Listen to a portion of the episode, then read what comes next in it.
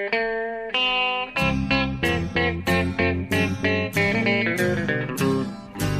out there, we're on the air. It's hockey night tonight.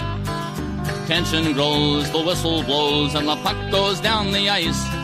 The goalie jumps and the players bump, and the fans all go insane. Someone roars, Bobby scores at the good old hockey game. Oh, the good old hockey game is the best game you can name, Hallå, hallå, hallå, hallå, hallå, hallå, hallå, hallå! Ja, hallå där eh, och välkomna till eh, NHL-podcasten med eh, Jonathan Onskan Bambi Ekeliv i Stockholm Jajamän. och mig Per Bjurman i ett New York som har börjat bli lite kallt och kyligt.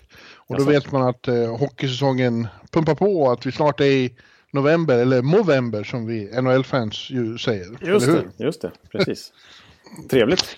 Ja, och eh, vi ska spela in avsnitt nummer, ja, vad- 212. du som håller ord, Ja, 212. Det är bara jag som bryr mig. Ja, som vanligt. kronologin här. Ja. Och, eh, ja, vi är ju inne i, i, i the action nu. Nu har vi hållit på i två veckor och eh, ja, det, det är ju faktiskt underbart Jonathan. Det är ju något varje kväll och eh, eh, jag vet inte om det bara är nyhetens behag ännu, men, men man känner ju inför varje eh, varje omgång att jävlar, fan vad häftigt, det där måste, det där måste jag se och vad, vad, vad spännande det ska bli att se den här matchen och de här spelarna och så vidare.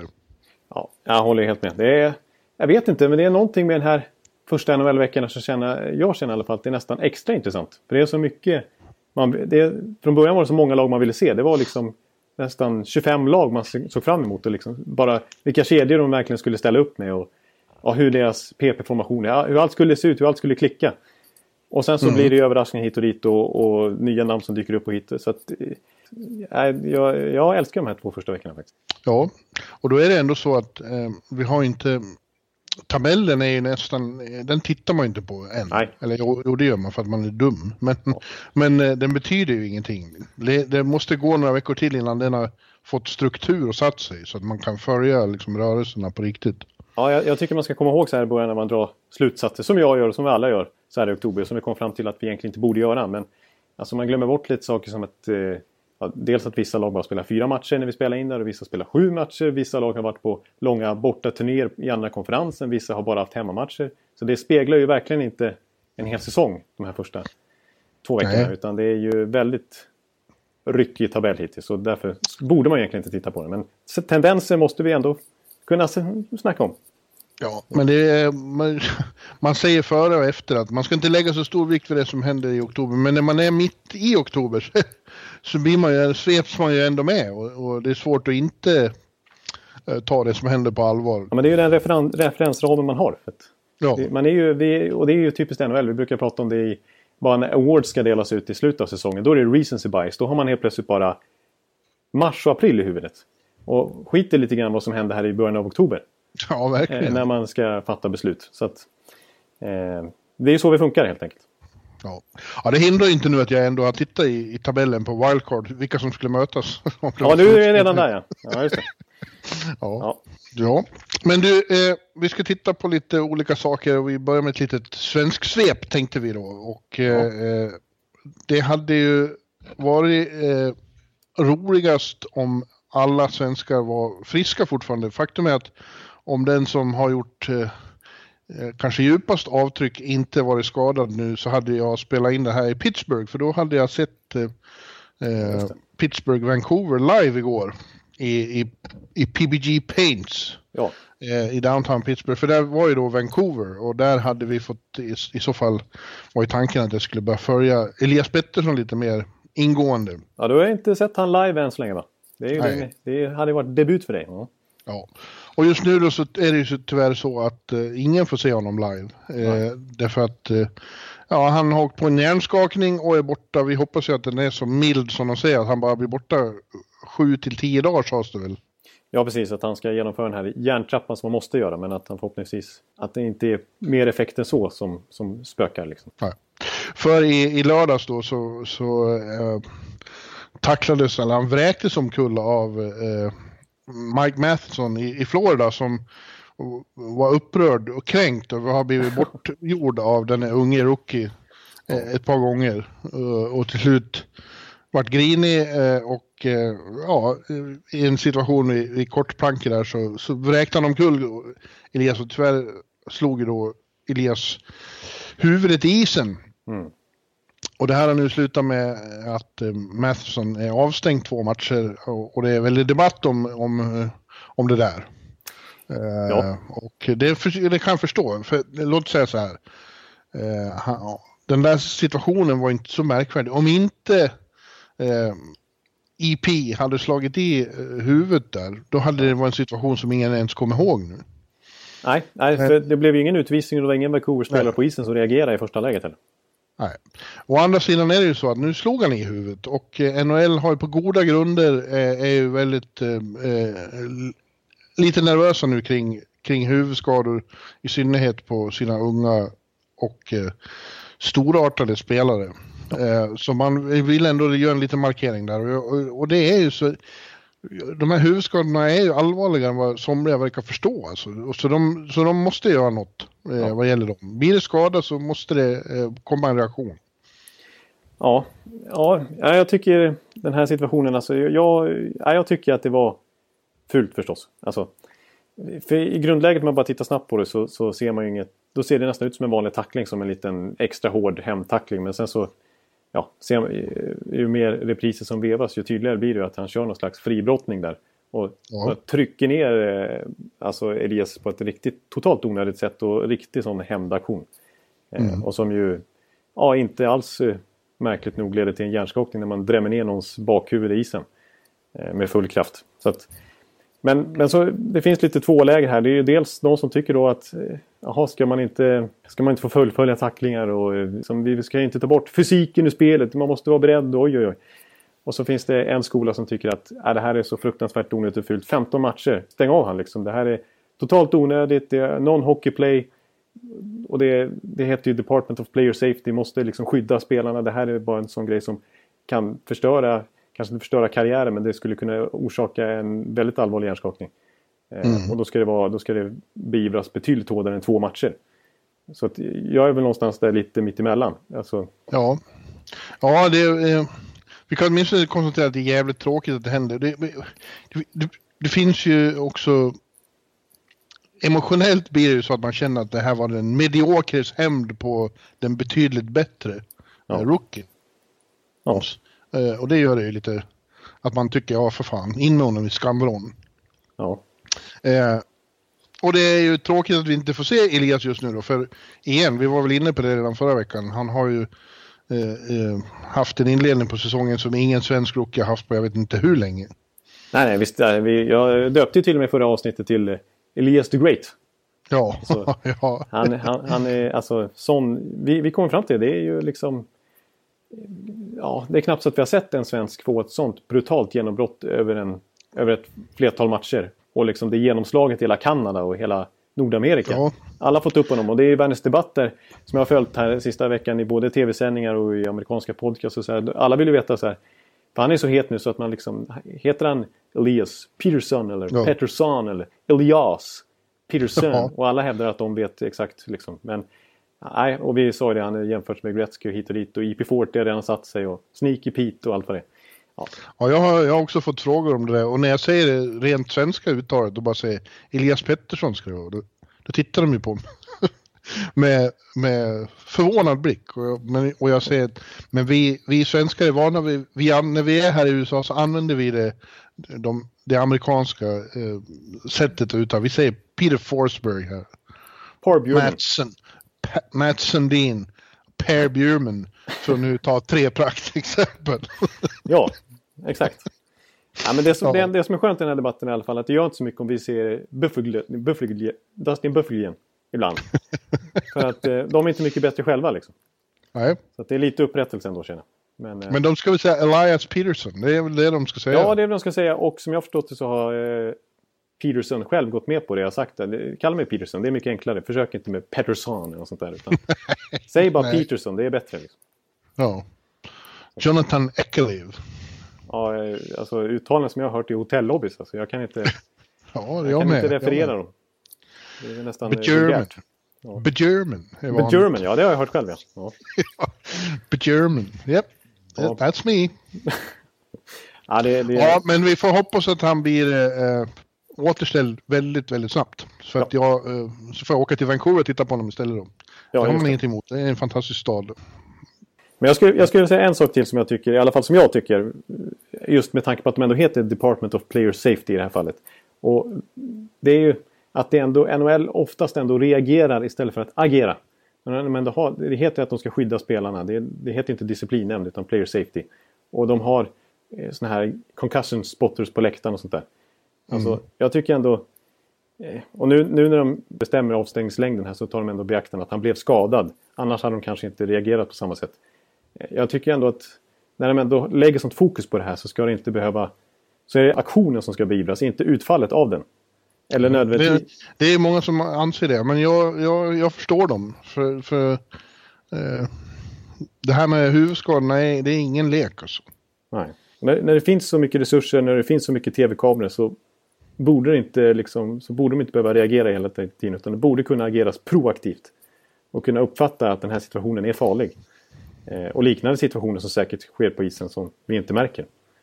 Eh, det borde dyka upp fler avstängningar för hjärnskakningsrelaterade tacklingar. Som skulle Ja, kunna vara kanske det. potentiellt farliga. Än vad, än vad som är. Det är enda gången det kommer upp. Det är när någon blir skadad. Ja, du, du har en poäng där förstås. Ja. Ja, men nu verkar det som Vancouver kan ju ändå. För att eh, den här matchen som jag inte såg då på plats i, i, i Pittsburgh, den vände de ju faktiskt på övertid. Utan Elias. Ja, precis. Och- De är en liten eh, positiv överraskning överhuvudtaget som lag eh, här i starten. Ja, faktiskt. Och de eh, har ju varit eh, på en lång eh, östturné här nu. De slog ju mitt Tampa med 4-1 förra veckan. Usch. Ja, bara en sån så, sak. Ja, och så Pittsburgh nu också dessutom. Det. Och Brock Besser gjorde ju faktiskt mål efter en ganska seg start. Ett snyggt mål. Ett sånt här Ja. All-Star-mål som han gjorde i förra året. Eh, en hel del av. Så att, eh, Ja, och så eftersom vi håller på med det här lilla svensksvepet här i början så kan vi också konstatera att Anders Nilsson har eh, Ja, jag vet inte om det, man skulle påstå att han har övertagit rollen som första målis av sin landsman Jakob Markström, men han har, han har, gjort, han har fått starta flera matcher i rad nu, tre stycken tror jag, och eh, varit väldigt bra. ja, dels hade de natten om mot Pittsburgh och det var även han som stod mot Tampa. Så att... Mm. Och han kommer ju... Där snackar vi ju självförtroende. Han kommer in i den här säsongen efter sitt VM där han blev från ganska lite dålis nästan här hemma kanske. Inte dålis, han har ändå varit etablerad i SHL och sådär. Men att, att eh, slå igenom som Tre Kronor-målvakt, som VM-vinnande guldmålvakt och lyftas fram på liksom Sergels torg. Det, det, ja, det, det ger ju en skjuts liksom in i den här Mm. säsongen får man säga. Och det, ja, det känns som att han Ja, har kanske det. klivit Ja, förbi men, kanske. ja, men det där, är- man, blir, man funderar ju på... Ja, det förstärks väl bara just för att de är svenskar då, för det är väl lika med alla målvaktspar. Men att det måste vara liksom en delikat och känslig situation när två kompisar slåss om samma plats och så är det den som har eh, varit uttalad nummer två länge plötsligt eh, kanske övertar från nummer ett här. Då. De är ju tränade i att hantera den situationen, men måste det inte vara lite konstigt? Och just i deras situation känns det extra pikant. För de är har ju sån, båda är födda 1990. Båda har spelat i juniorlandslag ihop sedan de var typ 15-16 år. De möts i Ja. TV-pucken säkert. Och de har väl varit rumskompisar har jag förstått också tidigare. Innan Vancouver-tiden. Eh, och då har väl alltid liksom Markström har ju alltid varit sedd som en riktig supertalang. Alltså, gick ganska tidigt i draften, tidigt i andra rundan det året. Och, ja, han har ju alltid varit liksom, han var ju liksom nye Henke Lundqvist när han kom över till NHL. Sades det Mm. ungefär. Så han har alltid haft det, där- det renommet. Och nu kanske Anders Nilsson är på väg att gå förbi han här. När de är inne i sin prime-ålder. Ja, ja, det- Ja, nu, nu, nu drar vi slutsatser här igen. Men, men eh, så, så är tendensen just nu. Det är lite som att du skulle komma hit och ta över mitt jobb. Om vi var ute på roadtrip och de ringde hemifrån och sa nej, vi, vi, i- ikväll föredrar vi att eh, Ekan skriver alla texterna. Ja, just det. Inga jämförelser i övrigt kanske. Nej. Ja, vi, jag vet inte om vi är tränade i den här situationen att hantera det. Nej, Vecka efter jag vecka, ut dig från något hotellrum. Ja, det, det skulle jag nästan förvänta mig. Nej, man, man får stå ut med det. De yngre kommer nu. Är det så? Ja, nej, jag tror, jag tror. German eh, faktiskt eh, kan hålla sig kvar ett tag till. Det tror Du, nu säger Bjurman också att uh, vår andra rookie som vi har stort fokus på uh, den här säsongen är Rasmus Dahlin då, i Buffalo. Som nu är ute på roadtrip uh, i västerled och gjorde faktiskt sitt första mål när Buffalo kom till, uh, till Glendale utanför Phoenix och slog Coyotes. Då dunkade han in sitt första mål också. Ja. Blev yngst genom ja. tiderna av svenska målskyttar. Ja, Elias Lindholm som hade den eh, titeln innan. Men eh, eh Dalin var nästan 200 dagar yngre faktiskt. När han satte sitt första. Ja, ja och det, det går ju fortsatt. Eh, det är inte samma sak för en back som för en forward som Elias. Då. Det, eh, det tar längre tid och man, man blir bra på saker som inte är lika spektakulära och syns lika mycket. Det man håller på att jobba på. Ja. när man kliver in som back. Men han är ju en av de som spelar mest där och han får väldigt mycket förtroende och han uppträder med mer och mer eh, eh, Rassamatas. han, han, vågar, eh, han vågar göra mer och mer. Eh, och eh, det är kul, kul, kul att se honom tycker jag. Ja, det håller jag med om. Men, eh, men jag, jag, måste också poängtera att Buffalo de, de är ju ojämna här i starten. Det är kanske det man ska förvänta sig. Både från Rasmus Dahlins sida och från hela laget. För det, det, är mycket nytt där. Ja. Och eh, liksom, det är inte bara Dahlin som har fokus på sig och som har förväntningar på sig att ta ett kliv nu och bli en riktigt etablerad eh, viktig kugge för dem. Alltså jag tänker på en sån som Casey Mittelstadt som vi pratade mycket om inför säsongen också. Som ny andra center där. Och en mm. one-two punch med Jack Eichel. Men han har ju faktiskt varit lite småbänken här i början av säsongen och inte alls lyckats speciellt bra. Noll mål, en assist står han på hittills. Eh, och ja. Tage Thompson som vi också pratade om inför säsongen och som ingick i den här stora O'Reilly-traden och som de hoppas på. Han 0 plus 0 hittills också. Eh, ja. det, det varvas... Efter, efter, en väldigt lyckad eh, försäsong. Ja, precis. Och det varvas liksom eh, ganska fina insatser. Eh, med som här 3-0-seger mot Arizona med att de förlorade, dessförinnan förlorade med 6-1 hemma mot Colorado och nu blir det 4-1 torsk mot Vegas här senast. Och, ja.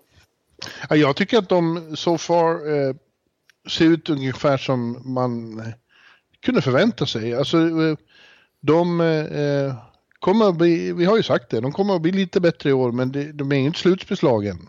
Eh, det är en lång process för dem och de tar små steg framåt nu. Men eh, för det är ju en jävla ändå lyft mot hur det har sett ut eh, ja, närmast föregående säsongerna. Absolut de vinner ju liksom som du säger mot Arizona och så. Men så, eh, vad gäller Vegas också då, så var det ju så att de spelade mot Arizona i lördags. Mm. Och då flyger man ju direkt efter matchen till Vegas och så har de legat still där till tisdag då. Ja, Aldrig helt lyckat. du, det, det, är en viktig poäng. Man ska inte dra för stora slutsatser om en sån förlust. För att eh, vad som har på, försiggått dessförinnan eh, kan man ju inte riktigt eh, veta. Nej. Och det, de har det... säkert haft rookie-middag också, stackars Rasmus. Ja, just det. Dyrt. Ja, dyrt. dyrt. Ja. Men ja. eh, han behöver inte vara orolig för, för det är 21-årsgräns på allting i Las Vegas. På att vara på kasino, på att dricka, på, på ta mig fan knappt man får gå ut ur hotellrummet om man är under 21. Och han är ju bara 18. Ja, just det. Det är sant. Att, eh, mm. Just det, han har inte gjort bort sig den. Det är ingen skandal som ligger bakom här. Hotellnatt. Det kan vi ju utgå från. Nej. Men eh, jag vill säga en sak till med, med Buffalo. Annars är det en, en väldigt bra övergång till Vegas där. Men, men eh, Eh, jag, vill bara slänga in det eftersom att vi pratade så mycket om det inför säsongen. Vi hade ganska mycket preview på Buffalo då. Eh, men eh, de här andra killarna, Alex Nylander, Lawrence Pilot, Viktor Olofsson, de här superstjärnorna i SHL som kommit över. Bäst, alltså, Pilot blev alltså utsedd till SHLs bästa back i fjol. Han leder faktiskt AHLs poängliga hittills bland backar. Mm. Så att de har fått en, en bra start där. Viktor Olofsson är bäst i svensk poängmässigt i AHL hittills och Alexander Land ligger också på en poäng per match i snitt. Så att eh, Rochester börjar komma igång lite grann där. Och det är ju Botterills stora roll här. Han som är sån rutinerad Wilkes Bar-herre där som har rattat eh, Pittsburghs farmarlag och som vill att Buffalo som har haft varit i princip lika dåliga eh, nere i AHL som de varit i NHL de senaste åren. Att de ska få ordning, rätt sida på hela organisationen så att de får de här breddspelarna som kommer in också. Mm. Eh, och det ja, börjar bra där i alla fall. Ja, det, det ja, härligt. Mm. Men som du konstaterade, vi tänkte en övergång till eh, Vegas då för att eh, de slog Buffalo med 4-1 i år och eh, då inträffade det som vi suttit och väntat på ett tag och det var ju att William Karlsson, Wild Bill, vår vän, gjorde ja. mål. Ja. Eh, spräckte sin nolla för säsongen och det, det anmärkningsvärda är ju egentligen det här att äh, äh, människor har suttit där och sagt ah, varför blir det inga mål för William? Har han förlorat sin touch nu? Kolla, han är inte så bra som ni sa. Ja. Well, grejen är så här att det, det, var lika förra säsongen. Det tog honom, det var först i sjunde matchen eh, i fjol han gjorde sitt första mål. Ja. Och tänka sig, matchen mot Buffalo igår var också match nummer sju på säsongen. Ja, du ser. Och eh, vi vet ju vad som hände i fjol. De 75 matcher som återstod räckte för att han skulle komma upp i 43. Och eh, ja, here we go again. Ja, men eh, och är det någon stad man kan prata om turnummer så, så är det väl kanske i Las Vegas. Ja, ja att, jag ja. pratade med honom efter matchen igår på telefon och han sa det. Ja, det verkar som sju kanske är mitt eh, turnummer. Han har ju sju på tröjan också, 71. Just det, just det, just det. Mm. Eh, och eh, ja, han pratar ju såklart inte om att eh, det ska bli 43 igen. Eh, men men eh, han, eh, som han konstaterar, han, eller som vi konstaterade när vi pratade, han är ju lite streaky på det viset att när, när han väl gör mål så brukar det bara rassla till med den så kallade ketchup-effekten. Ja. Ketchupflaskan går i topp som Christer Abrahamsson sa förr. Ja, just det. Det var före min tid. eh, och, men han sa också att han inte känt någon vidare press eller varit liksom orolig därför att han och, och, och Marshall och Smith har skapat hela tiden och som man säger så länge man skapar så vet man att det, det kommer. Liksom. Det kommer att komma. Uh, vi har ändå spelat bra och det har kommit närmare och närmare. Jag, jag såg sista två perioderna på tv igår då, och ja. uh, det såg man ju att det, det är otroligt nära nu. Liksom. Han var het. Ja, ja, jag tyckte Alltså att jämföra till exempel då Mittelstadt med Karlsson, två stycken centra i den här ligan. Eh, med lite olika erfarenhet om man säger så. Eh, bara, bara sista situationen när, när Karlsson när, när Buffalo har tagit ut målvakten på slutet så bara Karlsson bara tar pucken av Mittelstadt som att det är... Ute vid sargen där? Ja, precis. Det, är inget... ja, det var en riktigt jävla fin situation av honom. Ja. Och det, det, det är så man spelar hockey i NHL. Ja. Det, nu låter jag lite som en sån här... Oh, you gotta learn kid. Liksom, men... ja, men det är ju sant! Ja. Varför, det, varför har ni så svårt för det? För Nej, men det, så är det ju också. Är så frälsta ja, i de här unga killarna. Ja, det är väl klart att de inte kommer in och är, är, är fullfjädrade NHL-spelare direkt. Nej. Så, att, och det, så var det ju för, för Mittelstedt där, att Karlsson visar hur, hur man gör. Och de bara snodde åt sig pucken och spelade fram varsin, så, så är det avgjort. Ja. Så att, ja, och jag tycker också där så Vegas, det är också lite som jag nämnde precis, precis i början av podden. Att de har ju faktiskt varit på en lång bortaturné. Mm. Eh, det här var blott andra hemmamatchen för dem. Eh, så att de har haft en ganska rough start på det viset, mycket resande. Kanske en anledning till att de har haft lite förluster, men nu har de i alla fall två raka segrar. Och, och eh, kolla på deras underliggande siffror. De har ju faktiskt 113 fler skott eh, om man räknar in även sådana utanför stolpskott, eh, mål, vad som helst. 113 fler skottförsök eh, i 5 mot 5 än sina motståndare hittills. Det är ju ganska starka papper ändå. Eh, tyder ju på mm. att de har haft ganska bra kontroll på spelet men inte samma tur. För att eh, Fleury har väl fram till nu inte varit eh, lika het och så har de haft lite skador. Jag menar, två tredjedelar av deras tilltänkta andra kedja är ju skadade. Paul Stastny blir borta länge och så Alex Tack har fortfarande inte säsongsdebuterat. Och så första backen Nate Smith fortfarande borta. Då, så att, ja. Ja, tråkigt med Stasny tycker jag. För efter synnerhet som jag hade honom i mitt eh, eh fantasylag och nu har jag wavat honom. Ja, just det. Just det, det var ju ditt tradeförslag där i, eh, till mig. Paul Stasny mot Mika Zibanejad. Ja, ja, det, ja att, du inte, att du inte gick med på den. Du hade ju en drömdeal på gång där. Du hade ju inside information där om att Stasny kanske hade en skada på gång. Där. Ja. ja. ja. Men som du, du nämnde Fleur där, ja nej han har inte varit eh, fram till nu får man säga. För att eh, när de eh, vann, när de avslutade sin eh, roadtrip i Philadelphia, då höll han ju nollan och var återigen sådär helt jävla omöjligt bra som mot Kings i slutspelet. Ja, just det. Exakt. Den Även igår mot Buffalo var han bra. Precis, och nu har han ju skaffat golden pads också. Ja. Viktigt. Bara, bara en sån sak. Nej, men jag, jag i, återigen då, det här med man hela tiden påpekat i oktober, men jag tycker de eh, känns som de också lever upp till vad man trodde att de kommer att vara bra, men de kommer inte att vara eh, lika kanske eh, framstående som i fjol. De kommer inte att överraska lika många som i fjol. Det är ju helt klart. Nej, precis. Alltså, deras, deras spel är fortfarande samma. Deras frenesi, deras eh, attack mot målet och deras... Eh, alltså skicklar de i mittzon och sådär. Eh, mm. Det, det, är ju en, ett verk delvis av Galant också. Han är fortfarande kvar och den strukturen har ju verkligen satt sig nu. Så att, att de skulle falla som en sten, det ser jag inte som rimligt. Men sen är det som du säger, de har ju helt andra förväntningar, andra krav på sig i år. Eh, motståndaren har en helt annan uppfattning om dem. Så att, eh, det är klart mm. att, att det kommer vara en tuffare ingång i den här säsongen på det viset. Ja, det blir spännande att se vad som händer nu. Hittills har de bara mött ett västlag och det var Minnesota, i övrigt bara östlag. Och först på lördag så första matchen mot en divisionskonkurrent i Anaheim. Eh, och då får, vi, då får vi se. Ja, det är ändå de som ska tävlas med i tabellen. Ja, det blir, det blir liksom eh, riktiga värdemätarna i, så här i början. De kommer först mot divisionskonkurrenterna på något vis. Ja, precis. Exakt. Och just Pacific-divisionen som känns så öppen på förhand. Ja. Det, det ja, kommer vara ruggigt att vinna mot varandra där. Alltså. Det kommer bli avgörande. Ja. ja. Du, eh, när vi pratar om målvakter då så måste vi också nämna, eh, när det inte varit eh, någon Pittsburgh-resa för min del då så hamnade jag återigen på Madison Square Garden här igår och såg eh, ett oväntat eh, bra Rangers slå ett likaledes bra men mindre oväntat bra då Colorado med 3-2 i övertid, nej straffar var det till och med till slut. Eh, och eh, vad gäller svenskar där så måste vi framhålla Henrik Lundqvist som har eh, startat mycket, mycket övertygande. Ja, precis. Alltså, bara kolla på hans stats nu. Han är ju nästan 94 procent här på fem matcher och han har under två mål per match. Det är ju, jag menar, och Lundqvist brukar ju kunna vara lite, i alla fall de senaste åren har han varit lite segstartad. Och ja. sådär. Men nu, eh, de här första fem matcherna har ju varit väldigt övertygande. The good old ja. Lundqvist. Ja, och det är väldigt old school i hans approach. Alltså han spelar som han gjorde förr. Han eh, står väldigt djupt i kassen och han läser spelet mer än, än är ute och viftar som han har gjort.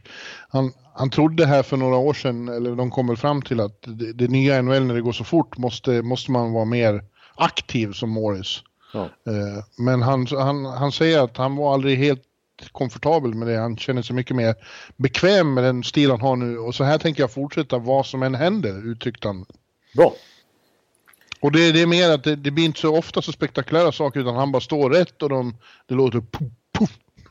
Han får pucken precis i magen liksom. Ja exakt, det, det, det är Lundqvist-ljudet. Vi pratade om Elias Pettersson-ljudet förra veckan men det, det där, nu satte du ju Henke-ljudet.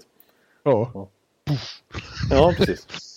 Det, han, alltså, för jag håller med om det. Han har varit lite flaxig senaste åren och det är inte den Lundqvist man känner igen utan det är ju en lite tråkig målvakt på det viset att... Exakt, han har, ja, precis. Det har inte varit så spektakulärt men han har, han har bara varit där. Stoppat puckarna. Exakt. Ja. Men apropå men, snygga räddningar så du fick ju se en live igår i alla fall som var... Ja, han, var ju, det var ju spektakulärt ändå igår. När, han var i princip bortspelad. Då var vi ena stolpen och eh, Nieto dyker upp vid eh, den andra och ska bara dunka in det. Men då han, han gör en benparad som får hela garden att explodera på gammalt sätt. Och standing ovation. Ja. Henrik! Henrik! Henrik! Ja. Ja, den var faktiskt riktigt, riktigt, eh, vad är topp 10 räddning tror jag, törs påstå. Vad I gäller karriären? Ja. ja, vad gäller NHL-karriären, vad gäller spektakulära räddningar. Ja. ja, jag kan hålla med dig. Jag, jag måste säga att eh, Ja, men jag är imponerad över det för att han var ju liksom... Han tog ju första skottet och var, borde varit bortspelad efter det men så hinner han ändå på något sätt vräka fram sig. Och där måste jag säga att han såg lite gammal ut där. Alltså det var lite jobbigt för honom men, men det var ändå ruggigt hur han liksom ändå lyckas sträcka ut benen. Såg gammal ut? Jag tyckte han såg ut som en, en uh, ung gymnast. Ja men alltså, han, ja, alltså men jag jämför med, med uh, Gabby Douglas i tidningen. Hon, uh, gymnasten här. Ja, alltså, jo, jo, jag vet, jag är lite hård mot Henke men jag, jag, tänkte precis när han liksom skulle vända sig tillbaka, då kände jag lite att, att det var lite... Så, uh, men sen, och sen så bara är det den där supervigheten som bara fläker sig fram där ändå. Mm. Som, som om man borde 22. Så att, uh, ja. ja, det var imp alltså imponerande, imponerande överhuvudtaget faktiskt. Ja, Henke. Ja, jag, och eh, som sagt, igår, det var nog Rangers bästa match på säsongen. Eh, det enda han hade att invända mot efteråt var just det att, eh, ja, jag tycker vi gör så mycket rätt sa han, men vi, vi gör ju inga mål. vi gör för få mål och det skulle vara sån enorm skillnad om vi gjorde tre eh, istället för två. Ja. Eh, och det är ju sant. Men det, det verkar som de uh, har svårt med finishen. Men i, i övrigt så ser det faktiskt rätt okej okay ut med Rangers nu. I synnerhet med tanke på var de liksom befinner sig. Ja, kan de spela som Colorado? Colorado är ett bra lag. Det tycker jag syntes tydligt igår. Ja. Och vi kommer att komma tillbaka till dem i ett, i ett, eh, ett litet svep vi ska ha på slutet i den här ja, mm, poddavsnittet. Mm, mm. Mm. Ja. Mm. Och ja, ja, det är nog Rangers inget slutspelslag. Vi vet var de befinner sig och så. Men det är ändå... Det var, det var, man gick till Garden igår med kanske inte så mycket förväntningar på någonting alls. Men fick se faktiskt en väldigt underhållande match. Ja, ja. Och jag, jag, noterar eh, en sak med Rangers då som ändå. Eh, men det är att David Quinn, alltså han... Eh, vad han håller på med där, alltså det är ju...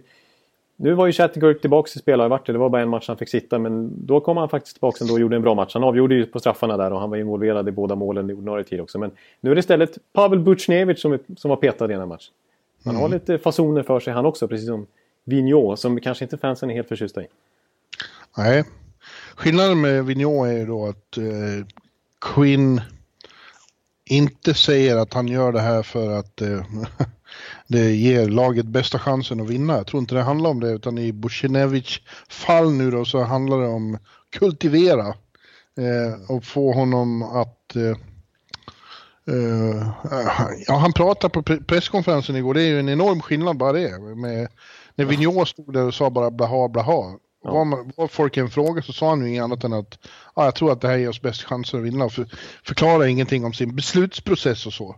Ja, det var bara ett mantra. Quinn, Quinn är öppen som en bok. Jävlar vad han pratar och, och berättar och är öppen. Eh, efter matchen i lördags mot Edmonton då, då utföll han plötsligt spontant om han heter, man säger inte Filip Scheitel, man säger, vad säger man? Skyttil. Skyttil, ja.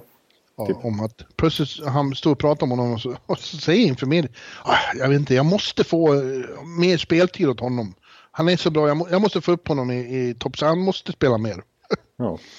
eh, och då var det på Busjnevics bekostnad. Ja, han spelar vi ytterforward nu i toppen där. Ja, han pratar om att det är fantastiskt talangfull och uh, han har skills och talented. Uh, men man måste använda den också uh, på rätt sätt. Om han vill få honom att, att bli mer aggressiv helt enkelt. Ja.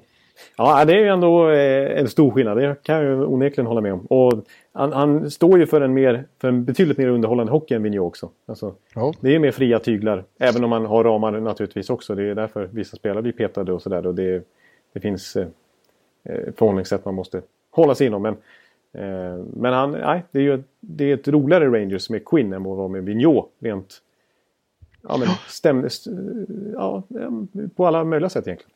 Ja. Det hindrar inte att de otåliga fansen eh, som ska ha som de vill hela tiden eh, inte blir irriterade. Naturligtvis kom det ett fuck Quinn från Tobias Pettersson på Twitter igår. Ja, ja visst. Det noterar jag. Ja. Ja. Efter, efter fem matcher eller vad det är, då är det fuck Quinn. Ja. Mm. Ja. ja eh, du, nu, nu lämnar vi fokuset på svenskarna och jag tänkte, du satt ju i natt då och tittade på Tampa Carolina. Just det. Eh, och då fick du se i Carolina som visserligen fick stryk mot ditt Tampa då. Men du fick se Tampa som har varit ett av de stora utropstecknen och överraskningarna eh, här under de inledande två veckorna. Eh, och Hurricanes, eh, ja, Ja, jag, jag, låter, jag, jag, känner mig så tråkig när jag säger det. Det är oktober, måste jag säga igen. Men, ja, ja, ja. men det är inte bara det att de har haft framgång utan de har spelat eh, jävligt eh, spännande hockey. Ja, alltså vi, vi, eh, vi eh, satt ju och hyllade Carolina förra veckan också. Men, och då satt jag också och poängterade att det är bara oktober. Men de har fortsatt på samma sätt en vecka till. Alltså de, ja. Man skulle nästan kunna... Toronto vill ju definitivt eh, hänga med i den här diskussionen också. Men eh, möjligen det mest sevärda laget. Så här inledningsvis av säsongen. Alltså de är ju... Det är ju en ruggig fart på det där laget.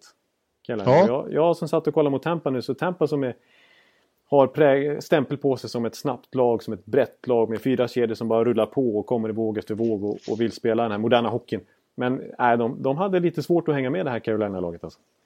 Eh, för att och det, och det är bara att kolla på deras siffror hittills. Alltså, de två, för, nu vann de skotten igen här och kom upp i 40-talet skott. Men dessförinnan, de mötte Winnipeg borta, Minnesota borta. Två ganska svåra bortamatcher ändå. Jag menar Minnesota är ju väldigt bra, hemmastarka och täta defensivt brukar generellt sett vara. Jag menar Winnipeg kom upp dit. De vann med mest hemmamatcher av alla lag i fjol tror jag. Eh, mm. Och ändå så skjuter de 100 skott på mål på två matcher.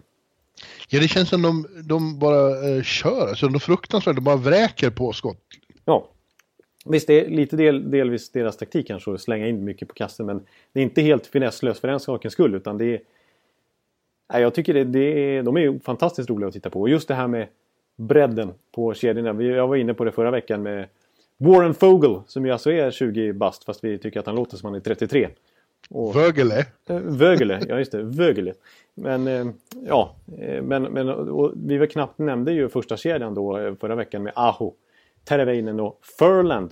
Eh, Furland som ju, kom, som ju var komplement till Monahan och, och eh, Gaudreau förra året. Och då tänkte man ju att det är en klar uppgradering med Elias Lindholm nu. Men Furland har visat sig även komplettera Terveinen och, och Aho på ett fint sätt och är väl uppe i en 4-5 mål hittills. Mm. Eh, och Aho, han har ju faktiskt gjort mål, eller mål har han inte gjort, men han har gjort poäng i alla matcher hittills. Han ligger ju, vad är han, trea i poängligan och sånt där. Trea, fyra. Så att eh, den kedjan har ju varit fantastiskt bra också. Eh, jag, ty jag, tycker faktiskt att Aho påminner lite grann om Elias Pettersson. Alltså de, är, de är ganska små, de ser ut att vara ja. 15 år båda två ungefär. Eh, men de är sådär sneaky. De är sådär hala och de hittar lösningar i alla möjliga situationer och de vrider och vänder i sarghörn och gör bort. Ja, han, han är en väldigt underhållande spelare att titta på, Aho. Ja. han hittar, hans backenpassningar gillar jag också, alltså hans förmåga att eh, ha ögon i nacken. Han kan släppa mm. puckar hit och dit, men ingen annan är med på. Knappt sina motståndare, eller sina medspelare. Nej. Men eh, nej, han, han kommer ju bli en... Eh, för han har ju, förra året var det mycket ytterforward på honom, men nu, nu försöker de ju ha honom som första center. Och hittills eh, ser det väldigt lovande ut, måste jag säga. Det är precis mm. som Elias Pettersson också, som alltså var ytterforward förra året i SHL, men nu center helt plötsligt. Är, så de, de liknar varandra på flera sätt, de två. Ja, ja. men just också att de har eh, flera kedjor som, som producerar. Ja. Och, och är farliga. Det, det, räcker, det går inte bara att försvara sig mot den där första kedjan utan eh, bränner man för mycket krut på den då, då kommer andra eller tredje kedjan in och är, öser på samma sätt. Ja, precis. Som eh, alltså Svesjnikov då. Som också är uppe på fina siffror hittills i sin unga karriär som också är bara sju matcher lång. Eh, mm. Och så Wallmark, som de, de, de två och Martinuk, den kedjan har faktiskt väldigt fina siffror hittills eh, på många plan. Nej, de är... Och, och igår gjorde Nekas mål. Ja, det var, precis, då var det fjärde kedjan då med, med Natchez som gjorde sitt första mål. Ett snyggt eh, mål faktiskt, en 2 mot 1. Natchez, säger man så? Nej, nu, nu, nu lät jag amerikaniserat här. Det, så där ja. säger man garanterat inte. Jag skulle säga Martin Nekas. Ja. Typ. Ja. ja. Eh, nej men alltså Carolina, de är, och de har ju bra backuppsättning också med Hamilton, med Falk, med Slavin som är fantastiskt bra defensiv back. Och Brett Pesci. Och... Ja, och det är kul att, att uh, Rod Brindamore, uh, ofta är det så när, när, när, gamla spelare tar över att de är, är lite far, eller vad heter det, styvmoderliga mot unga spelare. Men, men det verkar inte vara problemet med honom alls. Han kör stenhårt med de här unga killarna. Ja visst, det är, det är inga begränsningar där utan det, det, han kastar in dem hit och dit. Och de har ju många på gång alltså. De, det är ju så här, en sån som Sykov fick ju spela igår mot, mot Tampa också, gjorde det väldigt bra. De har, de har en bredd alltså. De har spelare som sitter på läktaren som också kan kliva in och göra bra ifrån ja. sig, ha den här farten som de står för. Jag tycker det, jag rycker till varje gång de säger Sykov, för jag tycker, jag tycker det låter som folk säger psyko nu, nu slänger de in psykot på is. Oj, oj, oj. Ja, det, det är en eh, X-faktor ändå. ja. ja, men hör du, vassare kan de bli också. För att nu få en övergång till ett annat lag eh, så var ju, eh, börjar det gå mer och mer intensiva rykten om att Carolina är ute efter William Nylander. Att de kommer att försöka trada till sig rättigheterna till honom från Toronto nu. Ja. Eh, Ja. Och eh, Toronto fortsätter förneka eh, att de eh, ens överväger det, men fler och fler tror att de nästan måste börja göra det. Ja. Det skulle lösa väldigt mycket för dem och det verkar inte som att det skulle innebära några stora problem för laget. Nej. Om de inte har William Nylander, för Toronto fortsätter ju med en, en rivstart av Guds nåde. Oj. Och, som vi har pratat om tidigare så är ju Austin Matthews den stora dynamon där och han har ju en start på säsongen som liknar ingenting. Eh, vi, vi pratar Gretzky, Lemieux och sånt vad gäller poäng på, på, om år på, på bara några få matcher. Ja, det är faktiskt sådana siffror. Det var ju som du skrev här om natten också. Eh, alltså hans, han, är, han har ju alltså gjort minst två poäng i varje match hittills, de första sju. Ja, just det. Han är, han är den första på, på sen, ja, den här tiden som han har sex eller sju raka eh, multipoängsmatcher direkt Precis. i inledningen av säsongen. Ja, det är bara, sju, det är bara fyra eh, spelare som har, haft, eh, som har haft minst sju tidigare. Det är alltså Gretzky, Lemieux, Mike Bossy och Kevin Stevens. Så det, ja, just det. Det är inga små namn, utan vi pratar generation talents i princip överlag. Kanske inte Kevin Stevens. Ja, och de, och de verkar på, på, eh, under en era när det var mycket mer mål och poäng. Precis, nu pratar vi ändå 2018 när det är en helt andra förutsättningar. Så att, ja, ja och det, det, det har redan pratats om om han kan upprepa det här 50 in 50. Alltså ja. 50 mål på 50 matcher.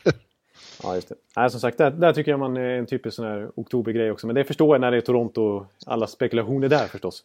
Men, ja, eh, och när han är så bra. Men grejen är ju då att eh, i hans kedja då så ingår ju eh, Patrick Marleau och, och där ska ju vara Nylander då.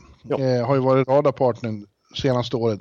Men istället så har Kasperi Kapanen, William Nylanders bästa kompis i Toronto, tagit över på den positionen och han gör ju succé han också. Han ligger ju på över en poäng per match han med. Har gjort ett, ett gäng mål här i början och eh, han sitter ju också på ett... Eh, ja, I Nylanders fall så har han inget kontrakt just nu men Kasper Kappanen ska ut nästa som, eh, alltså efter den här säsongen. Mm. Och ska han fortsätta den här takten, vilket ju... Ja, vi, kan inte, vi kanske inte ska förvänta oss 80 över en poäng per match hela säsongen men... Men spelar man med Matthews, eh, är man hans radarpartner, alltså Kasper Kappanen kan ju komma upp i en 78 poäng. Och då ja. kommer inte han bli billig heller.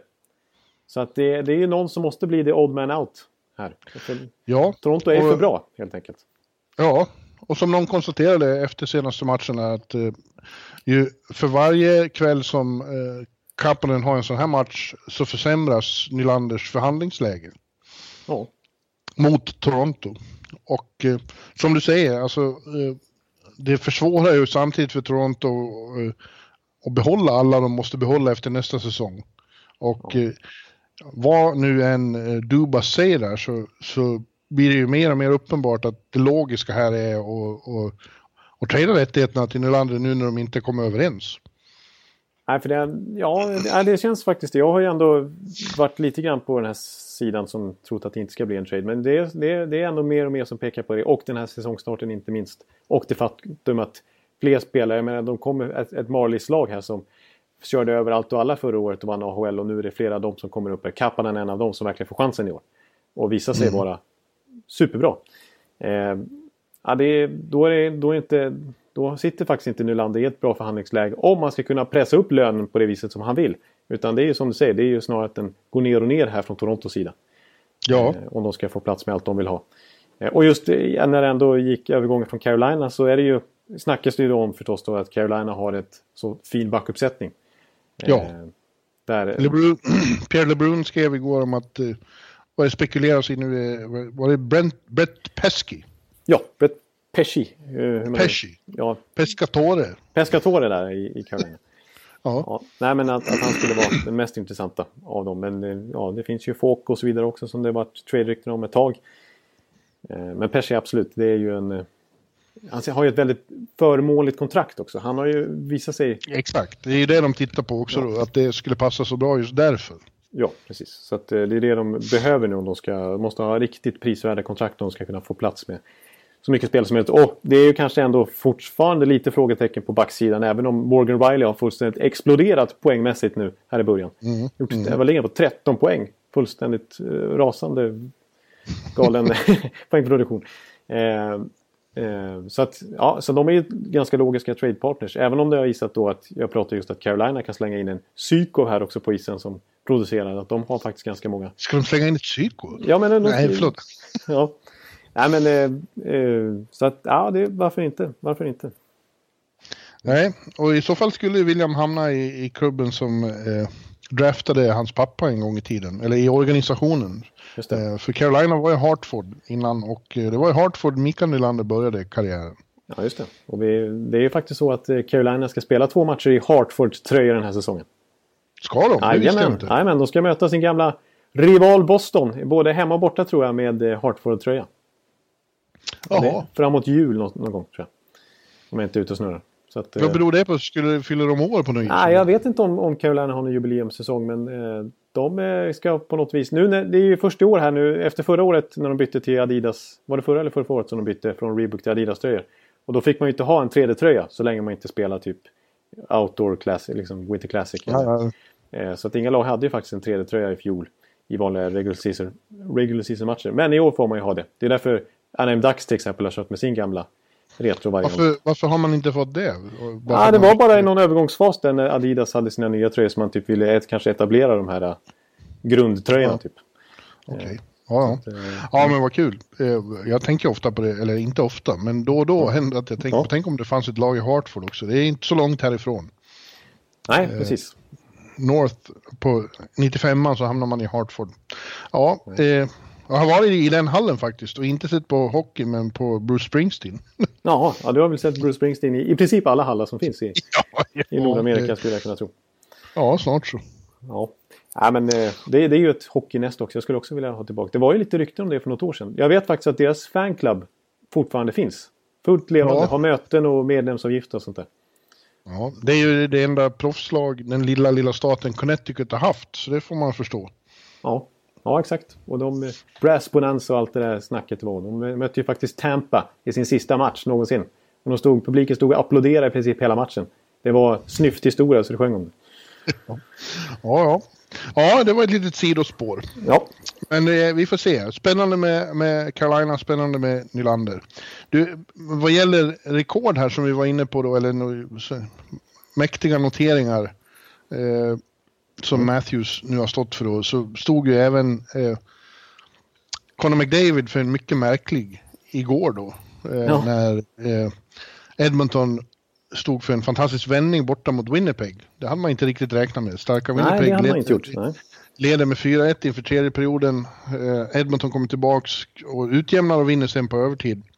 Mm. Eh, och då var ändå inte det det mest anmärkningsvärda utan fram till det där fjärde målet så var det så att då hade Edmonton gjort nio mål den här säsongen. Ja. Och Conor McDavid hade varit inblandad i samtliga nio. Och det är rekord. Ingen annan har varit inblandad i nio raka mål i början av en säsong för sitt lag. Nej, det är ju... Det säger alltså ju... antingen gjort dem eller spelat, haft assist. Exakt. Och det, det säger ju väldigt, väldigt mycket om Conor McDavid. Och så säger det väldigt mycket om Edmonton Oilers mm. eh, inledning på den här säsongen också. Alltså hur extremt beroende de är av Conor McDavid. Ja, grejen var ju att när, han, när media efter matchen igår kom in och pratade med honom, han ville inte alls prata om det. Han var ju sur. Ja. Eh, nu är han ju lite ocharmig kan jag tycka ofta. Ja, det är han jag, faktiskt. Jag, jag, förstår inte med, den där attityden. Eh, men han sa att det där är, det är ingen eh, stats som jag är stolt över eller som vi som lag ska vara stolta över. Det viktigaste målet var det jag inte var inne på och det var ju då övertidsmålet. Då satt han på bänken. Och nu pratar vi aldrig mer om det här ja, det är ju lite typiskt McDavid ändå. Ja. Han är ju... Han är ju lagspelare får man säga, men han är, bjuder inte på sig själv i nästan något sammanhang.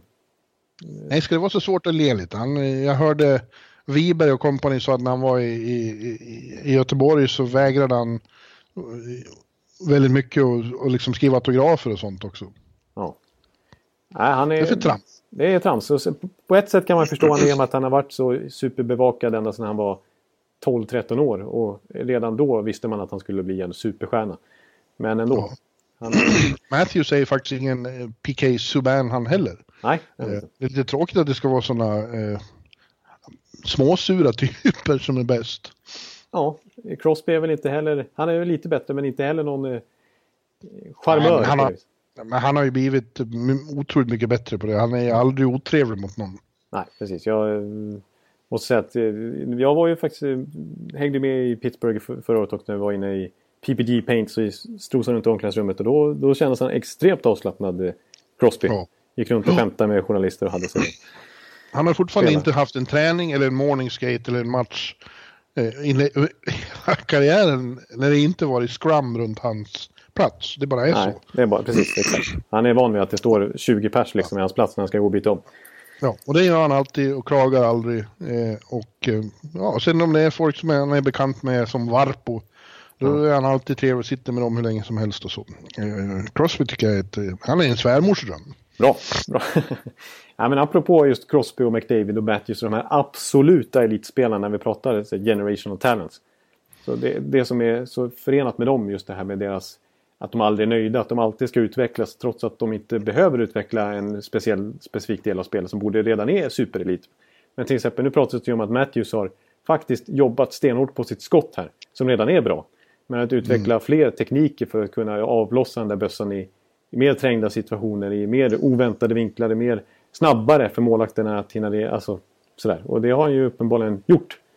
Eh, han, kan ju liksom, han kan ju hålla klubban alltså extremt nära kroppen och, och ändå trycka iväg stenhårda projektiler. Så att, men han, mm. jag menar, och jag var tvungen att kolla lite på hans målfacit nu. Eh, faktum är så här att Austin Matthews och Patrik Laine vill man gärna jämföra eftersom att de gick 1-2 det året.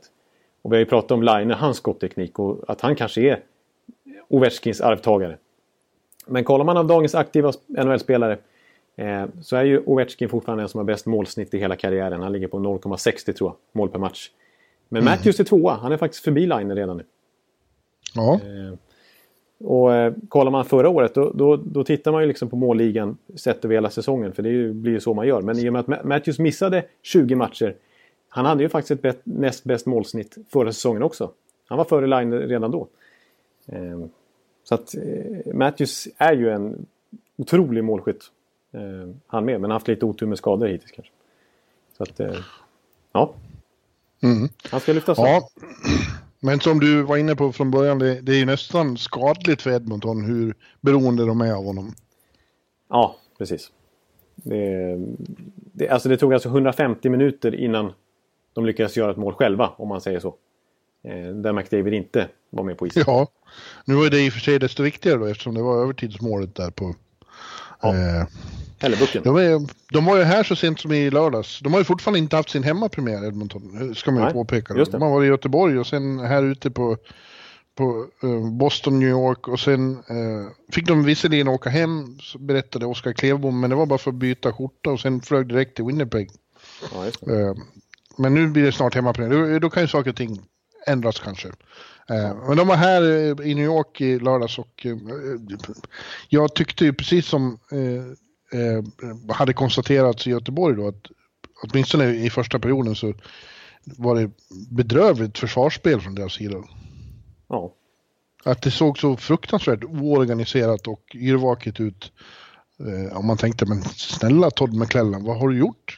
Precis, för han kan inte, man kan inte skylla på sig att det är jättemassa nya spelare och sånt där. Utan det är ju ganska liknande trupp och framförallt försvarsmässigt som det var, har varit nu ett antal år.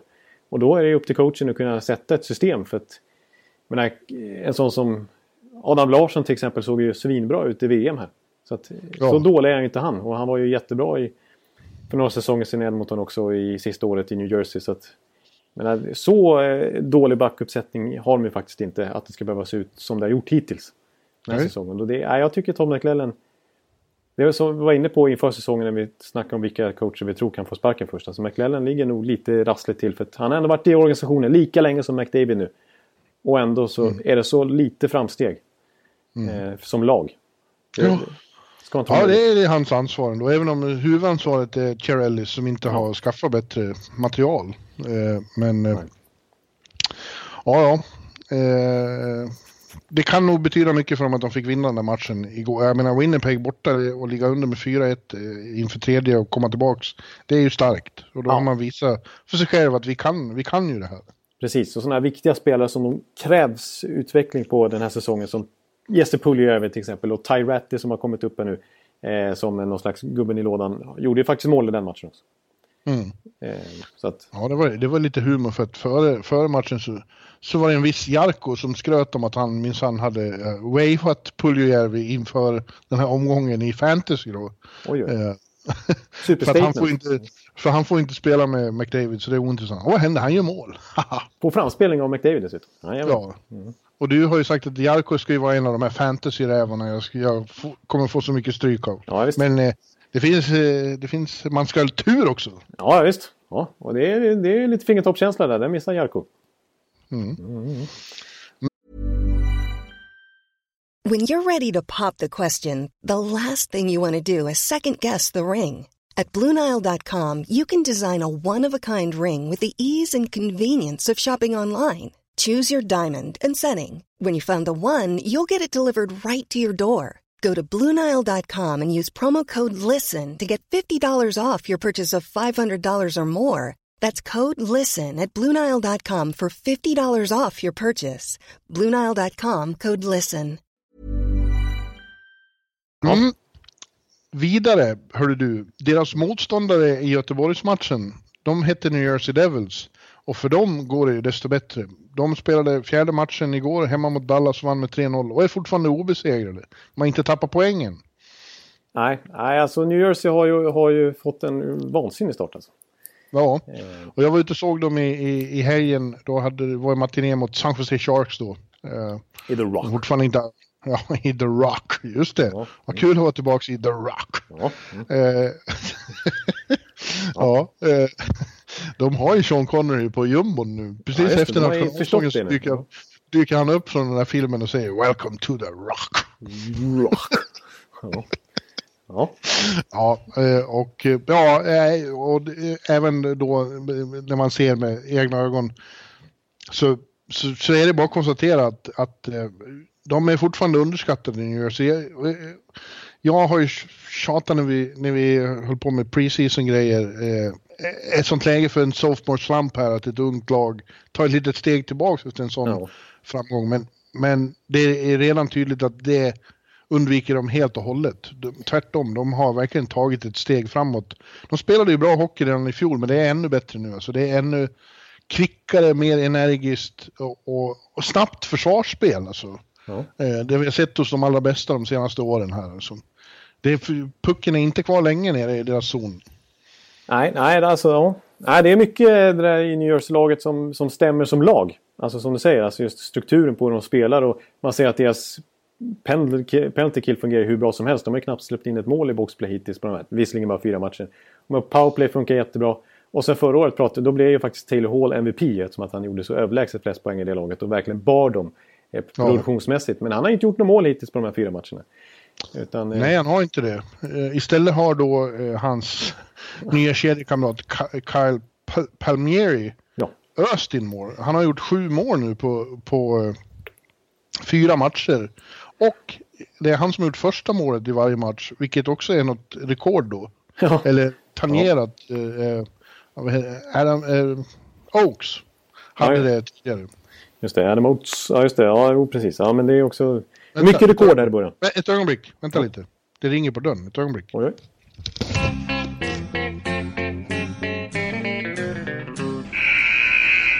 Ja, eh, vi, vi fick lov att göra ett litet eh, avbrott där. Han ringde på min dörr. Eh, det var service här i huset. Och jag passade samtidigt på att hämta kaffe. Och vi pratade om Kyle Palmieri. Ja. Som har fått sin, e- sin egen gimmick bland fansen ute i The Rock också. De, de kommer nu med, med eh, små dockor i, i, i, i, Jer- i Devils regalia. Fast med palmblad i plast. Jaha, det är, det är så pass nu. På huvudet. Ja, han har blivit stor idol där. Ja, han är ju Jersey boy också. Det var därför de tradade till sig honom från Anaheim för några år sedan. Ja. Han, är, kommer ju, han är ju local kid.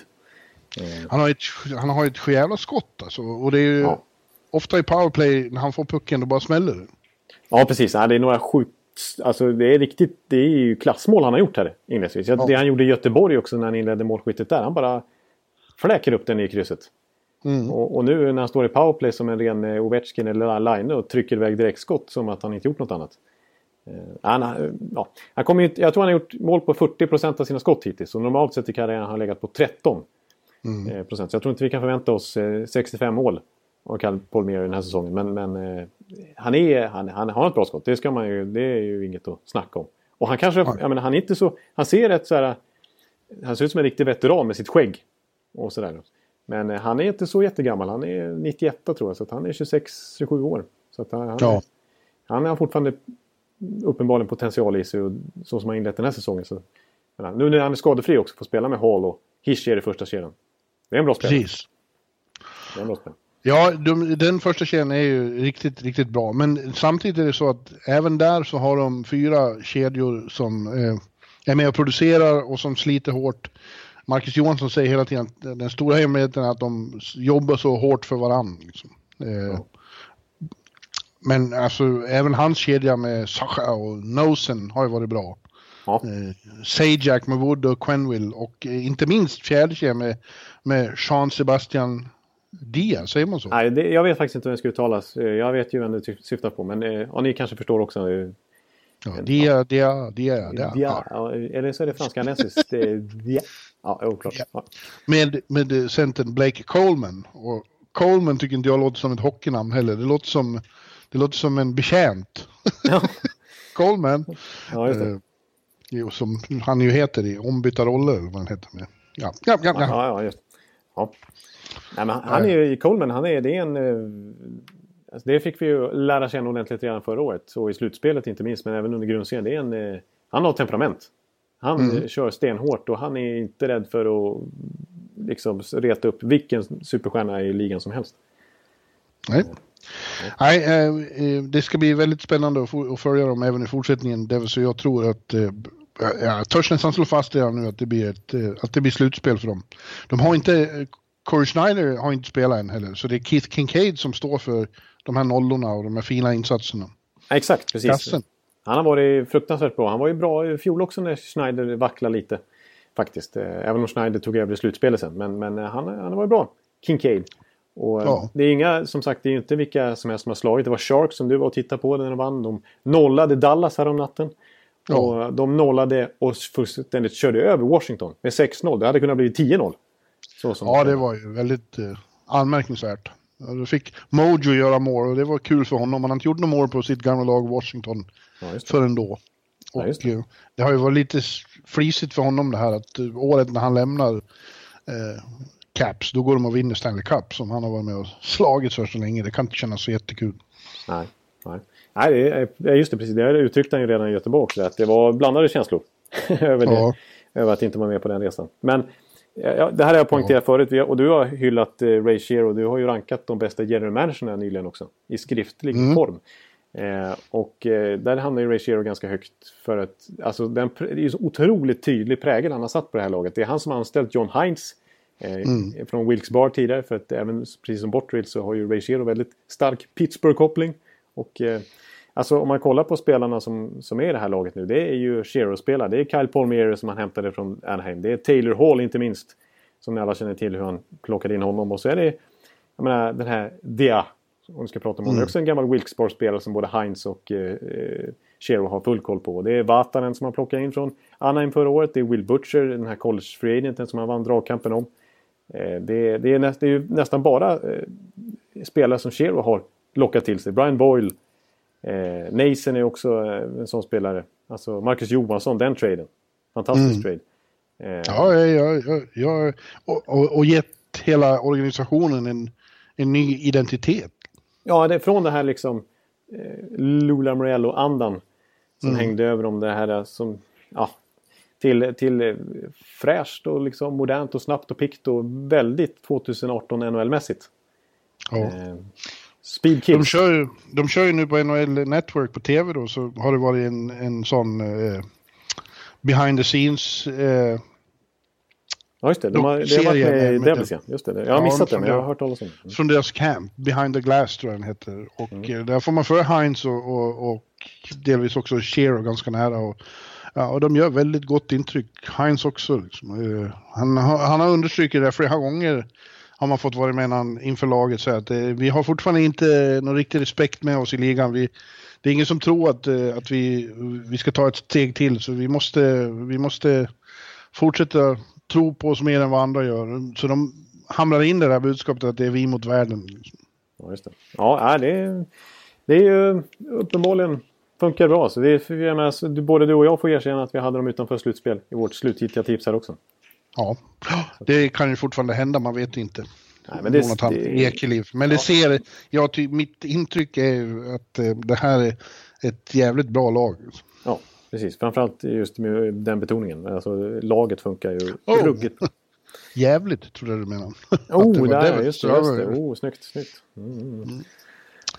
Ja, om vi tittar i andra spektrat av ligan, vilka det inte går bra för, så finns det ju nu dessvärre ett praktexempel på eh, en superflopp redan och det är ju då Detroit.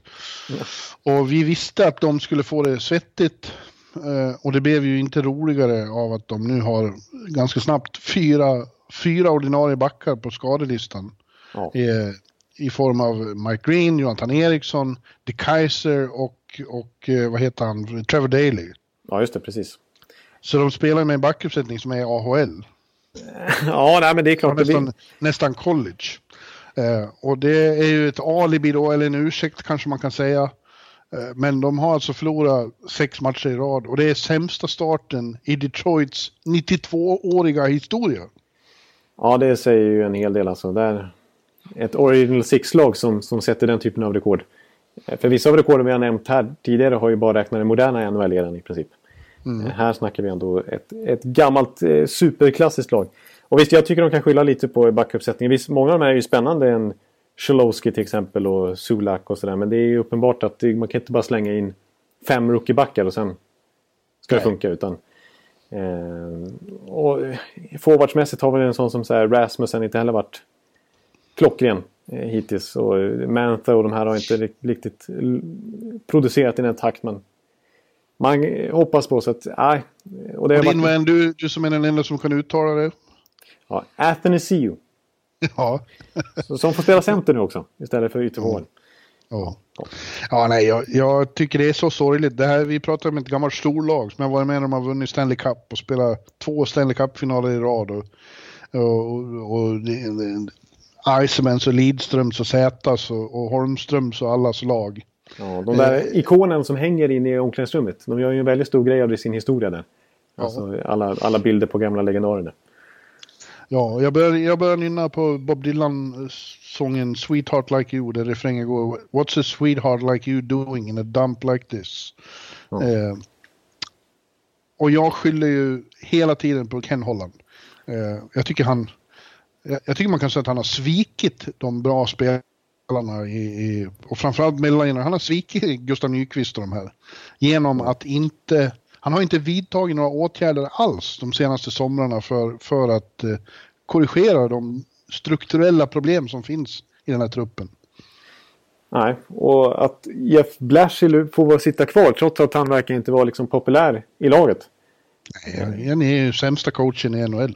Ja, och visst han har bara ett år kvar på kontraktet nu och de kanske låter det löpa ut. Jag vet inte, eller så får de sparka nu. För uppenbar, det är, men att han fortfarande är kvar när det ganska tidigt stod klart att han inte skulle kunna ersätta Babcock. Det är väl en svår roll att fylla men mm, han, han känns ju lite som en... Han vill vara Babcock ungefär. Ja. Men han är ju inte lika bra på något område egentligen. Och, och framförallt så är han minst, nästan lika impopulär i omklädningsrummet. Ja, det måste ju vara hopplöst. Man såg ju det på Detroit Free Press. Helen St. James där hade intervju, videos med Kronwall och Nyqvist och man ser ju liksom hur i, i ögonen på dem hur fr- fruktansvärt tråkigt det här är. Liksom. Ja. Eh, för det finns ju... det? Är i princip som de är avsågade nu, eh, 17 oktober. Ja, exakt, vi, säger, vi ska inte dra några slutsatser som sagt här men alltså just, just i Detroits fall så känns det ju... Alltså att det skulle gå ut för på det här viset direkt när man ändå inleder en ny säsong med inspiration och motivation och eh, unga spelare som kommer in och allt det där. Visst, de kan skylla lite på skador och sådär men att det ska vara en sån här kollaps som det har varit från start. Eh, Ja, det, det är ju inte acceptabelt egentligen. nej. Nej, och det blir ju helt... Vem ska gå och titta på dem liksom? De, de har världens finaste hall, men det, varför ska man betala för att gå och se ett lag som liksom bara får stryk?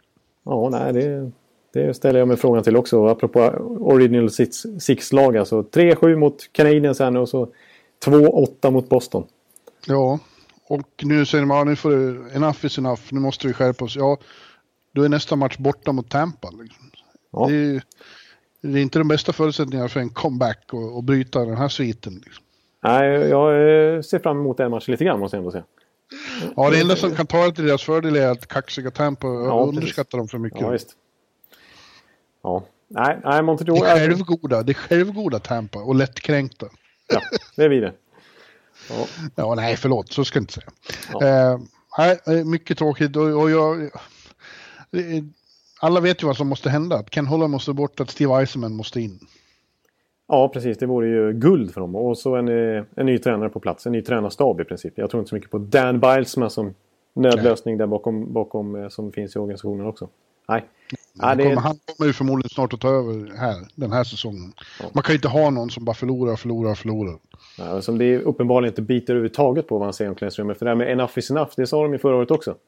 Ja. Flera upprepade tillfällen. Det, ja, det... som jag har påpekat så är det ju framförallt hans ansvar att Larkin, Mantha och eh, AA ja. har bristande attityd. Ja. Det är han som måste liksom inpränta i dem arbetsmoralen. Ja, för det är, man, precis. Man kan inte följa upp en 8-2 förlust med 3-7. Liksom. Nej. Det, det, det, måste, måste finnas mer geist än så. Man förstår inte, om, familjen Illich, ägarna måste ju liksom tycka det också. Här bygger vi den här arenan och ni oss en produkt så vi inte är i närheten att sälja ut den. Nej, nej, nej, nej det, det är... Ja, det är nästan lite ruttet där faktiskt. Tråkigt. Ja. Tråkigt. Ja, du har några mer lag du vill specialstudera? Annars så har vi ett ah, segment här som vi pratade om igår att det vore kul att titta på redan nu. Nej, men det är klart att man skulle kunna komma in på eh, typ Arizona och St. Louis som också haft det tufft här i början och ett Montreal som gått bra. Vi, vi har inte pratat om Jacob Delaros. Vi får se om han blir upplockad här på Wavers. Men det känns som att nu har klockan tickat iväg lite grann så det är nästan dags att, att dra igång vårt specialsegment och så har vi en, en podd nästa vecka också. Ja. Ja, vi... det är ingen panik för mig. Vad, vad gäller Jacob de la Rose mm. så vill jag säga att jag, jag skrev igår, jag tycker Nashville ska ta honom. För uh, han är bästa kompis med, med uh, Filip. Ja. Och uh, han kanske inte kan spela med Filip i den första kedjan, men, men Filip skulle bli glad och ännu bättre. Jo, jo ja, de, de, de är ju superpolare från Leksand förstås. Och, eh, vi såg ju till och med i VM där också när, eh, när Forsberg och Arvidsson kom från Nashville efter när de åkte ut i slutspelet och eh, tanken var att spela med Adrian Kempe. Men så blev det till slut Jakob Delarossen då som fick spela center med Nashville-duon och gjorde succé får man ändå säga. Så, du, nu ska du få höra en Tampa-relaterad nyhet jag just ser på Twitter. Anaheim has signed Jake Dotchin to a one year contract. Aha. If he clears waivers tomorrow at noon he can officially join them. Uh, bla bla bla. Jaha, där ser man. Just det. Mm. Ja, det ser jag också att det är officiellt där typ, i princip. Okej, okay. ja. Nej, det, Dodgen är ju bra men eh, det var ju stora rubriker om att han kom till träning eh, till campen ungefär för tjock helt enkelt. Att han var 13 ja. Eh, pounds av överviktig. Ja, ja, ja, jag tycker det är överdrivet att klaga på det. ja. nej, men ja, nej, det var ju en... Ja. En, ja, jag tror, jag tror Dodgen kan, kan ha en fin NHL-karriär ändå. Ja, ja det tror jag också. Ja. Men du, det vi, det vi har pratat om att vi, och då kommer vi in på fler lag. Vi ska mm. bara riva av här. Vi, för redan känns det som det är kul att titta på de bästa kedjorna i, i, i ligan. Och eh, det finns ju några som redan är etablerade. Och, och, och, vi har ju några kedjor som, som verkligen är liksom ingnuggade som har spelat ihop i flera år och fått utveckla rätt sorts kemi. Det, det är inte så jättevanligt i NHL nu för tiden. De stuvar om och står i ja. eh, väldigt mycket. Men det finns några och de är ändå kul att titta på. Och vi har fått några nya i år också som verkligen känns eh, som hits direkt. Ja, ja. Eh, men vi kan ta de, eh, de etablerade superkedjorna som fortsätter leverera även i år. Eh. Och då tänker man ju allra först på eh, i Boston då. Ja. Med Brad Marchand. Eh, Brad Marchand. Ja, eh, Marchand. Ja. ja. Patrice Bergeron och eh, David Pasternak. Det är väl just nu världens bästa kedja. Ja, skulle jag ranka kedjan? Jag testade och försöka göra någon slags topp 5 och så dividera mig själv och kommit fram till någonting. Förutom att jag skulle nog ändå sätta dem högst upp faktiskt. Ja. Och jag också. Alltså vi, vi, det var ju den eh, kedjan som vi i våras eh, i slutspelet refererade till som mördande. På, på dalmål. ja. Alltså, de är ju... Ja, de, är mördande. De är mördande faktiskt. Alltså. De är... Visst, de hade... Och det, det, har de varit nu hittills också. Jag menar, Pastnak är redan uppe på sju mål. Och, eh, ja. Hela gänget är uppe på en 10-12 poäng efter bara 4-5 matcher. Så att... Nej, de, och just med tanke på spel Alltså hur samspelta de är. De har ju hängt ihop ett tag nu. Ja, det skulle gå att argumentera för att alla som uh, får spela med Bergeron länge, blir, det blir en bra kedja. Men ja. de har verkligen hittat rätt uh, pjäser åt honom här. Ja. Jag kommer ihåg att, ja precis, och apropå det, nu, nu ser, ser man ju Martian och, och Bergeron som ett riktigt radarpar. För de har ju hängt ihop långt ja. innan Pasternak kom in i bilden. Men uh, redan, jag kommer ihåg att Martian pratade om det redan i början av sin karriär. Att hans mål var att han ska få spela med Bergeron. Det är dit, mm. det är dit han ska nå. För att han, det är han som man... Ja, de är inte så jättelika i spelstil om man säger så. Eh, och i kynne är de ganska olika. Men det är ändå han som Martian ses som den ultimata spelaren ungefär. Ja, ja vi, vi kan... Eh, jag säger några så får vi se vad de finns på din lista då. Ja. Eh, kedjan jag, jag såg här igår från eh, gästande från Denver tycker jag också är, är en av de stora hittarna med Landeskog, McKinnon och eh, Mikko Rantanen. Ja, absolut. Det... Vad har du den då? Ja, jag har en... Eh, alltså jag är inte helt nöjd med min ranking här, men den, min, min liksom skissranking här som man kan definitivt ifrågasätta, det gör jag själv också. Men där har jag den som trea. Ja. Mm. Ja, men de är ju också väldigt... Eh, det är McKinnon eh, som vi har pratat om mycket. Mm. Så fort Duchene försvann så blommade han ut och blev verkligen eh, en av de absolut bästa första centrarna i ligan. Han, han är enorm. Men han har också liksom rätt sorts eh, medspelare där i, i, i Landeskog. Och den store Rantanen, alltså. Mm. Titta mycket på honom igår, jag satt ju med Varpo. Ja, som, mm. som hade väldigt fokus på honom. Han, det är jävligt anmärkningsvärt att en så stor spelare är så teknisk och rörlig. Ja, exakt. För han är han är ju the whole package nästan. Han har ju den här old school power forward-kroppen liksom. Mm. Men så är han ändå, som säger, rörlig. Väldigt alltså passningsskicklig är han ju.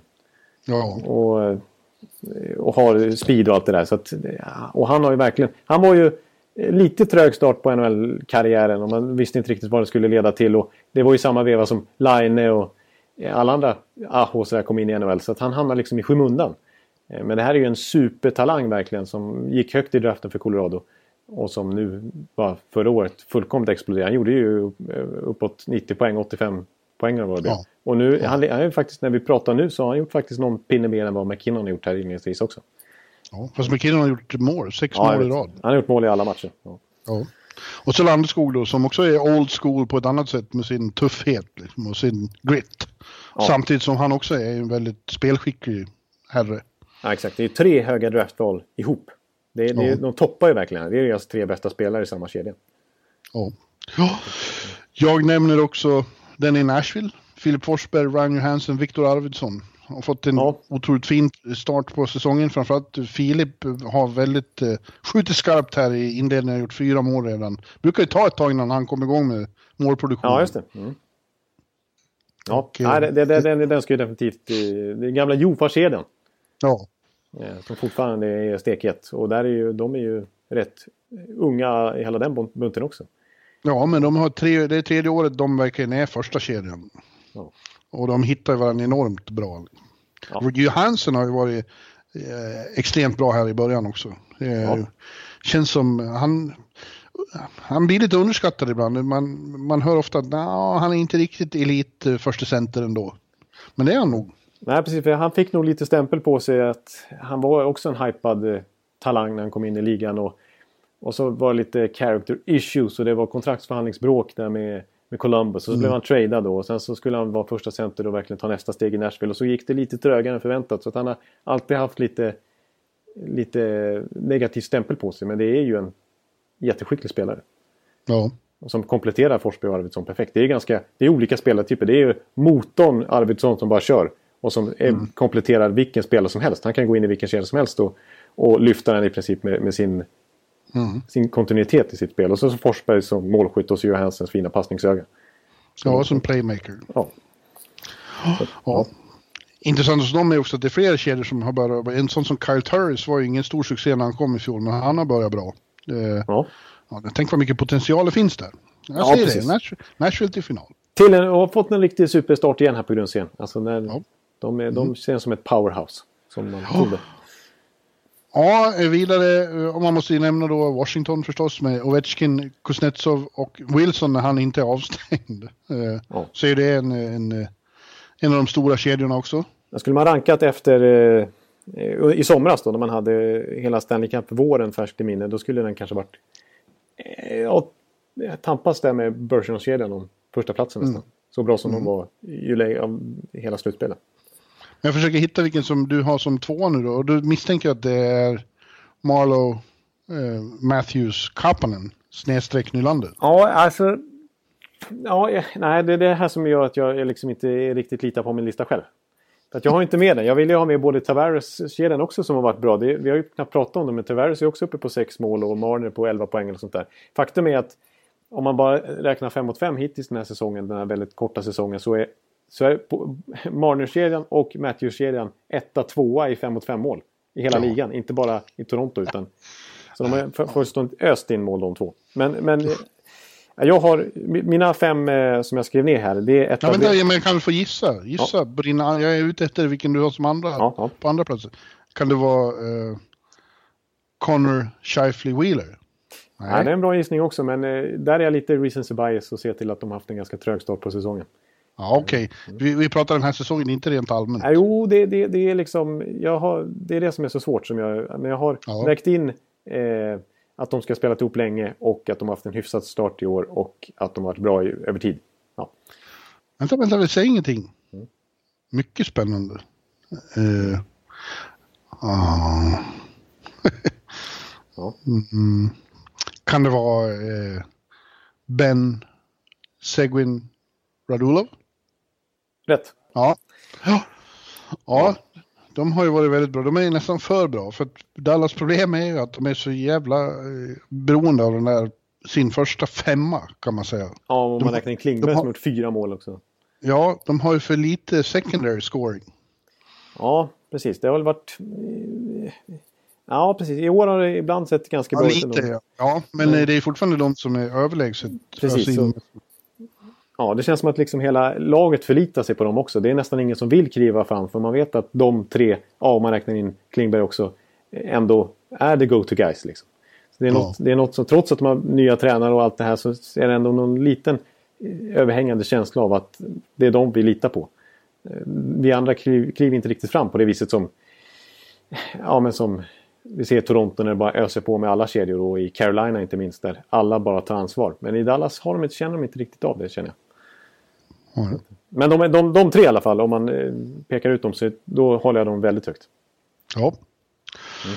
Ja, Nämnas kan ju också då Calgary där förstås, där Elias Lindholm har blivit eh, tredje länk i väldigt fin första kedja med Monahan och eh, Johnny Hockey.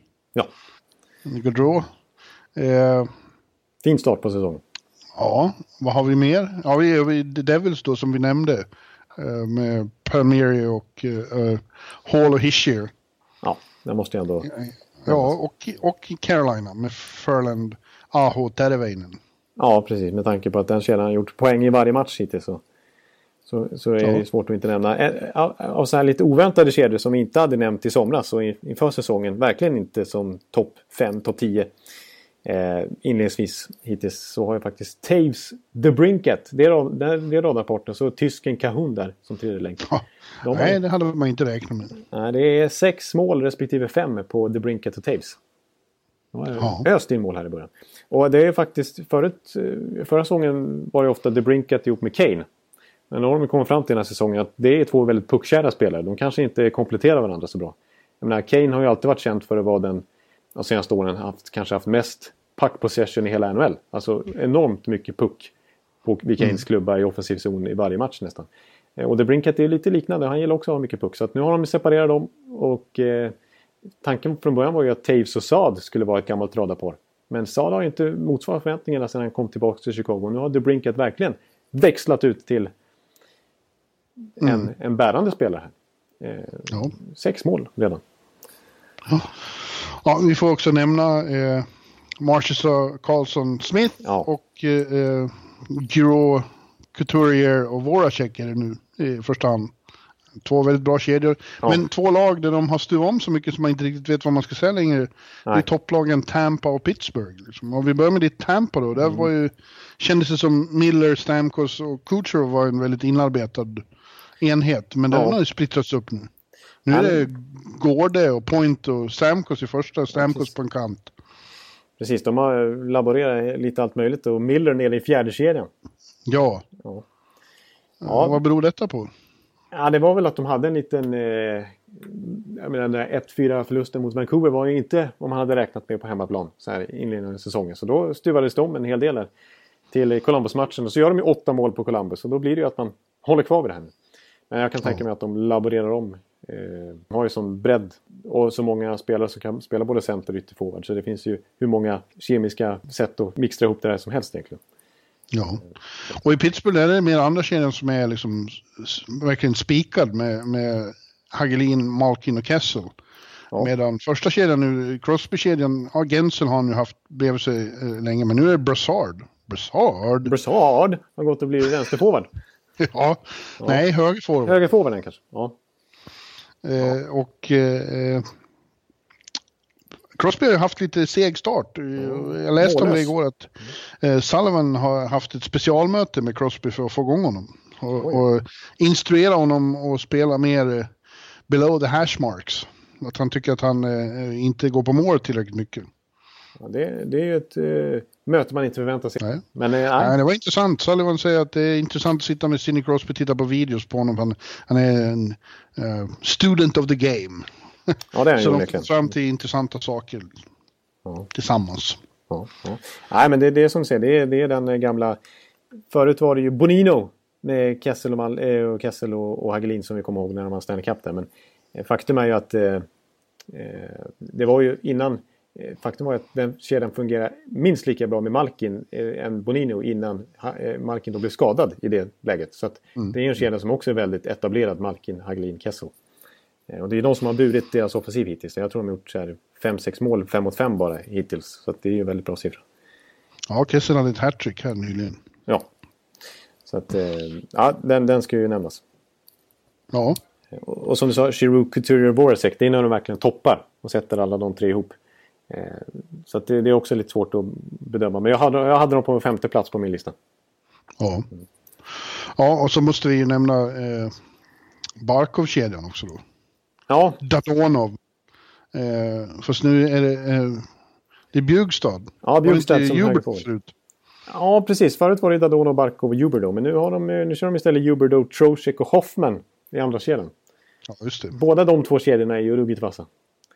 Eh, men de har haft en lite trög start, Florida. Inte ja, fått så mycket puckar med sig, låg och skadad direkt. Och skjuter ju massor de också, men eh, släpper in för mycket mål. Och eh, ta dumma utvisningar och, och får eh, onödiga hämndaktionsinfall. Ja, precis. ja, det är inte bra. Nej, så att, men de har bara spelat fyra matcher hittills. Så att, man ska inte döma ut dem på något sätt. Jag tror mycket på Florida. Och på de två kedjorna inte minst. Oj, oj. Mm. Ja. ja, men hör du.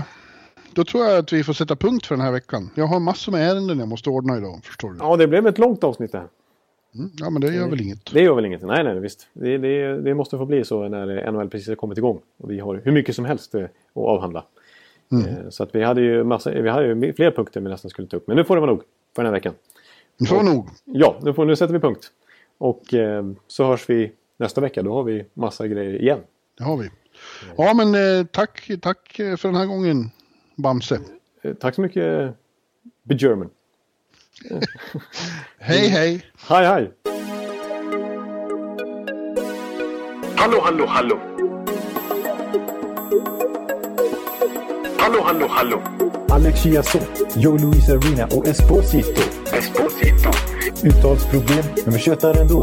Och alla kan vara lugna, inspelningsknappen är på. Bjuder Hanna Kohl, han är grym i sin roll. Från Kållesoffan har han fullständig kontroll på det som händer och sker. Det blir ju allt fler som rattar in hans blogg. Och lyssna på hans podd. One, two, three, speed, so Hallå, hallå, hallå. One, two, three, speed, so Hallå, hallå, hallå. Ekeliv, som är ung och har driv. Verkar stor och stark och känns allmänt massiv. Han hejar på Tampa och älskar Hedman. Sjunger som Sinatra. Ja, och det ser man. Nu är det dags för refräng. Dags för magi, Victor Norén.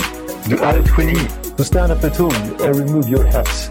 Höj volym, för nu är det plats. One, two, three, speed, so Hallå, hallå, hallå. One, two, three, speed, so Hallå, hallå, hallå. One, two, three, speed, so. Hallå, hallå, hallå. One, two, punch, speed, så på målplan. Hallå, hallå, hallå. Det er utroligt længe siden mor, der samtidig også har råd. Hallå, hallå, hallå. Det er utroligt længe siden mor, der samtidig også har råd.